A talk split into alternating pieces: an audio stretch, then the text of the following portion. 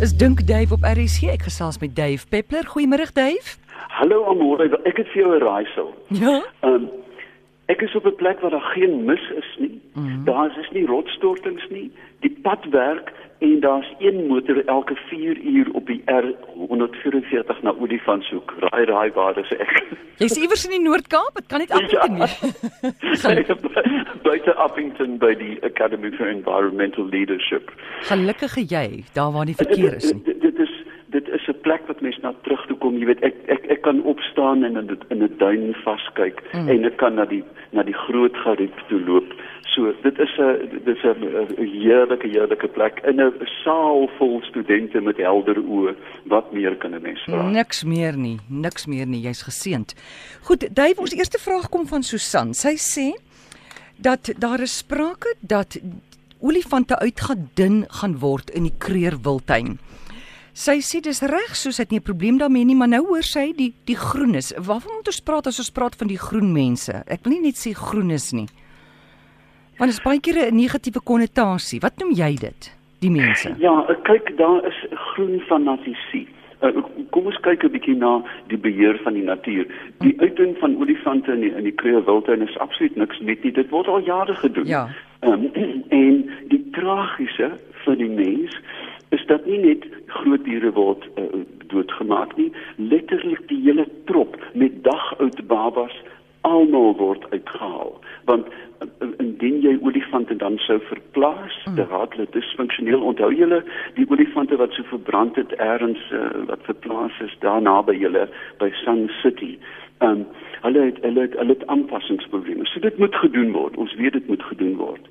Voorbeeld 2 um toe die owerhede besluit het om Europese konyne en takbokke op Robben Eiland uh, te verwyder, was daar 'n hysteriese reaksie van hysteriese groenes wat eenvoudig die hele wêreld wil beskerm. Nou die uitgangspunt is die volgende. Sutherland, een van die grootste ekoloë, ek het voorreg gehad om hom te ontmoet, het gesê conservation is an admission of failure die blote feit omdat ons moet bestuur beteken daar is iets fout wat ons veroorsaak het. Met ander woorde, ingeligte mense. Ingeligte mense sê ek aanvaar dit indien die wetenskaplike um onderskrywing van die aksie die moeite werd en reg is. Maar dan kry jy mense wat hysteries raak as jy aan 'n eekhoorn raak wat van die verskriklikste peste in die Kaap is wat alles wil beskerm maar hulle het geen idee waarom dit gaan nie. Met ander woorde, ek dink 'n regte groene, uh, soos die groen partye in Europa, is moreel ingestel op die behoud van die omgewing. Hulle wil hergebruik, hulle wil organies lewe, maar 'n hysteriese groene hm. is eintlik 'n groter gevaar as die probleme in die natuur. Goed, sê wil ek weet hoe presies werk daai uitdunning? Skiet hulle die olifante of wat? Ja, gewoonlik eh, daar's heelwat maniere. Daar is baie baie sterk ehm um, uh verdowingsmiddels Choline M55 so jy kan die olifant verdoof, maar gewoonlik ehm um, jy kan met 'n helikoptervliegtuigie almal aan die slaap maak en dan met 'n bruine skoot met 'n kragtige kaliber, jy weet 'n .416 of wat ook al kan jy hulle baie netjies en klinies doodskiet. Of jy kan natuurlik in in jy wil nie trauma in die trop veroorsaak nie. Jy verstaan, jy wil nie sien hoe die buurman omval nie. So gewoonlik is daar verdowing mm. en dan word hulle geskiet. Dit sou aardig wees om oor die van se keel af te sny. So 'n skoot in die brein, die skok, dit is 'n onblikkelike mm. dood. Mm.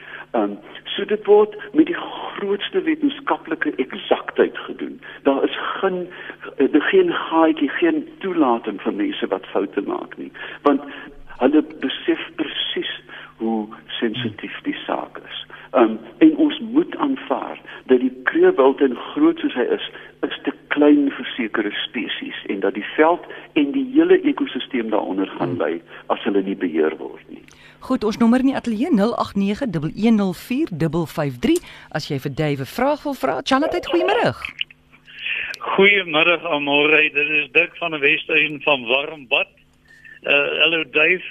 Ek het een vraag. Ek het een vraag. Ja. Kan 'n skoenlapper, het 'n skoenlapper 'n reuksin? Hoekom ek dit vra? Ek het 'n mango boom en langs hom is 'n jong pomeleboompie. En dan het 'n skoenlapper gekom en hy het tussen die blare deurgefladder van die pomele of van die mango boom en dan het hy kort kort teruggekom na die uh uh uh, uh pomeleboompie en ons selfs op die blare gaan sit. Ons ken mos die kenmerkende reuk van 'n uh, sitrusboom. Ja ja ja. Uh dit is hoekom ek nou weet het hy 'n reeks en daar's mos nog geen bloeisels op hierdie stadium nie. Ja, ek luister by die radio. Baie dankie. Dankie Dirk. voor jy gaan, Uh, Dirk bly daar? Ja, ja. Ja, was dit daai pragtige geel en swart skoenapper, 'n Ja, redelike ja, groter. ja, so 'n groot skoenlapper. Ja, sy. Die die die Engelse naam is die citrus swallowtail. Nou Goed, dankie Dirk.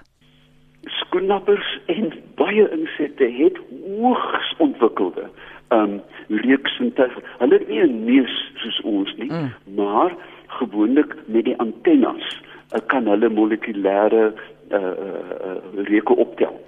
Kom ons kyk net, ons stap net een stap terug. Uh, jare gelede is daar 'n studie gedoen oor die dennepou oogmot, daai pragtige groot bruin mot met die met die uiloë op die vlerke. Nou die wyfies skei 'n feromoon af, met ander woorde 'n reukstof wat sê sy's reg dat haar eiers bevrug kan word. En 'n mannetjie kan oor etlike kilometers enkele molekules daarvan ruik. Hulle is so fyn. As jy een molekule van daai reukstof vrylaat, gaan die mannetjie se antenna begin beweeg.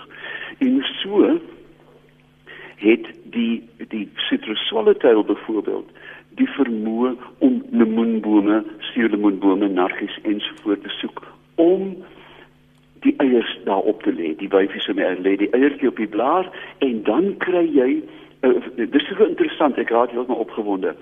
Die klein larwe wat ontwikkel beskerm homself teen predasie deur te lyk na voelmis. Dit lyk na 'n klein stukkie voelmis. En soos die die larwe ontwikkel, ontwikkel hulle net agter die kop onder die vel 'n orgaan met die naam van 'n osmoterium en as jy aan daai wurm raak, skiet daar twee horings uit wat verskriklik sleg ruik. Um en daar's so 'n mooi volksnaam. Ek kan my vergryp aan. Die kobeeslang noem hulle die die wurm, die kobeeslang sulke groot wurms. Um so die antwoord na al hierdie gebrabbel is ja, hulle het 'n akute reuksintuig. Goed, dankie daarvoor. Dirk, ek hoop dit maak vir jou sin. Dan sê Soreta haar dogter het nou onlangs gekraam. Sy wou graag 'n natuurlike geboorte gehad het, maar dit was nie moontlik nie. Dit was toe 'n keisersnee en die dokter het vir haar gesê as 'n baba gebore is met 'n keisersnee, moet hy hy of sy binne die eerste 2 weke na geboorte moet daai baba by 'n chiropraktisyn uitkom. Hoekom? Amore, jy weet ek, ek die laaste titel wat ek aan my naam belang is verloskundige. Maar jy weet so baie dinge toe. Dink 'n bietjie man. Kyk, uh, uh, wat wat wel interessant is, ek het nog nie daarvan gehoor nie. Mm. En jy weet tot eergister dink ek is alle babas gebore sonder chiropraktisyne. Mm. My ouma sou 'n stypige my ouma was 'n vroedvrou, my ouma grootjie eintlik. Uh wat snaaks genoeg luister gou hier. Um uitgeroep is na na na geboortes by huise. Daar was nie hospitaal op Robertson nie.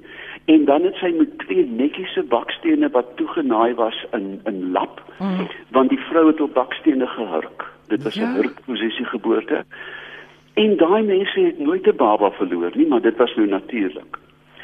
Indien 'n baba gebore word, toon 'n baba baie primitiewe eienskappe. Het jy geweet dat as jy 'n baba uit die baarmoeder vat Mm. en jy hou 'n besemstok horisontaal en jy sluit die handjies en die voete, dan kan daai baba hang soos 'n klein aapie en hy verloor dit binne etlike dae. Haai, het jou ouma dit vir jou vertel? Nee nee nee, ouma as ouma 'n kind aan 'n besemstok gehang het, Ah. dan het hulle vir haar op die kerkplein verbrand. Okay. ja. So babas het baie primitiewe eienskappe uh, binne die eerste week wat hulle baie gou verloor. Babas kan nie sien nie, ons weet dit en hulle kan die tepel net kry, hulle ruik die tepel, mm. né? Dis daai gesnif om die tepel. Maar ek kan my vir geen oomblik indink as ek na my twee gesonde kinders kyk wat nooit by 'n chiropraktisyn was nie. Ek weet nie of haar bevalling baie spesiaal is en dat daar iets dalk uh, in die baarmoeder nie verkeerd was nie, maar 'n hmm. anomalie was dat sy dalk dit nodig het. Maar ek weet niks daarvan okay. nie. En ek kan aan geen rede dink hoekom 'n keisersnit baba na chiropraktisyn moet gaan nie. Goed, wat die storie wat sy toe gehoor het, wat sy aanneem is dat as 'n as 'n baba normaal geboorte geboor gebore word, gaan hy hierdie geboortekanaal en dan word sekere dele van die skelet, die geraamte van die baba word reggedruk. Ja, die baba is reg in die baarmoeder. Kyk, natuurlik. Kyk, geboorte is nie is nie vir sissies nie, hoor. Dit is 'n ja. traumatiese ding. Ek en helfte van die bevolking weet dit. Hmm. Ehm um, en geboortes kan 'n dag aanhou, jy weet, be, uh, dit kan dit kan 'n lang bevalling wees. Ehm um, en natuurlik dit is uh fisies in 'n mate traumaties vir die baba, maar dit is Here amore, ja. dit is hoekom jy 'n baba invryf. Ek meen 'n baba lê op sy rug en pie van die lekker kry as jy hom so met room as jy hom mm. gebad het. Dis mos wat jy doen met 'n kind. Jy vat aan 'n kind, jy smeer 'n kind in. Jy speel selfs met daai baba. En ek dink dit is dalk die die die werk van die prak, van die chiropraktisyn. Okay. Want 'n normale geboorte as iemand lief is en 'n kind verwag wat hulle wat hulle in afwagting verwag, is dit van die grootste. Ek meen staan nou nog behalwe dat ek die tweede keer absoluut flou geval het. Ehm um, uh dink ek aan die geboorte van my kinders as van die hoogtepunte van mm. my lewe en dit was al twee keuses nie. Ehm um, die eerste keer het ek penorent gestaan, die tweede keer het ek gehoor my kop teen die paal agter in die teaterkap. Maar ehm um, dit is juist die ding jy wil daai kleintjie vasgryp die oomblik as hy afgedroog is, nê? En wat mm. ek ook toe wel gedoen het.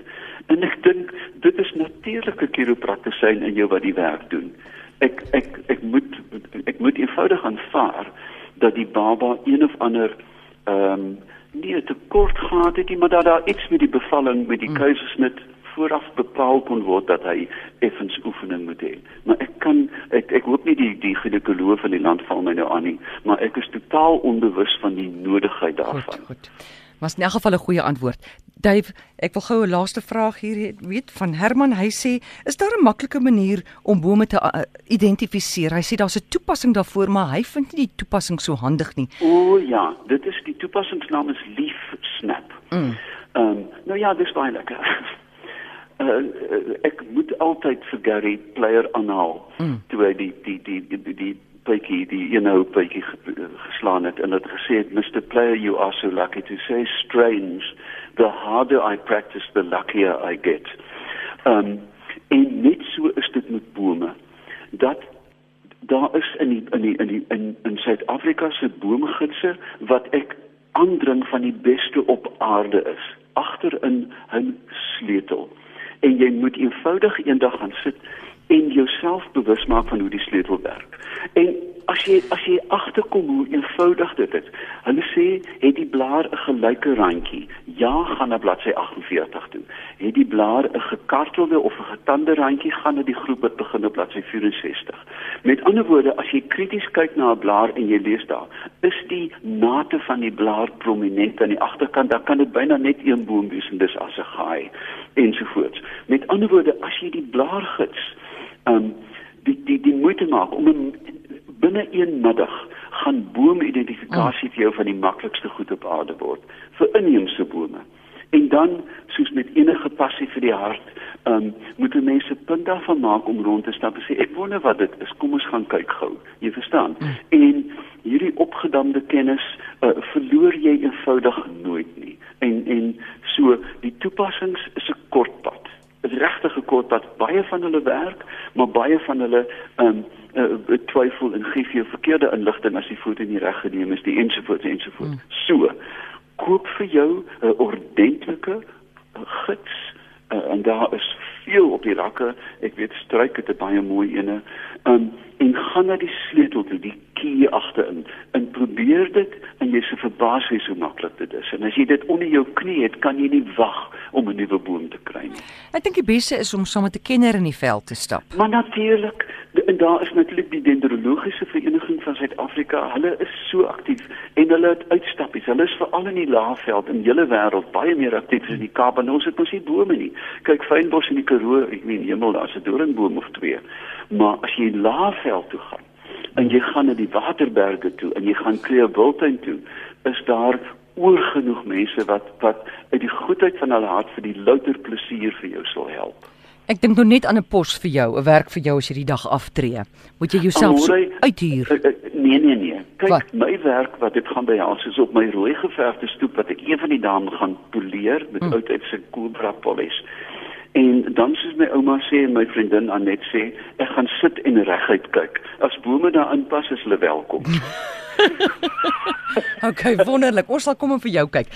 Dankie Dave. Geniet dit daar in Appington. Ek gaan en volgende week praat ons weer uit Stellenbosch. So gesels Dave Peppler en besoek gerus sy Facebookblad.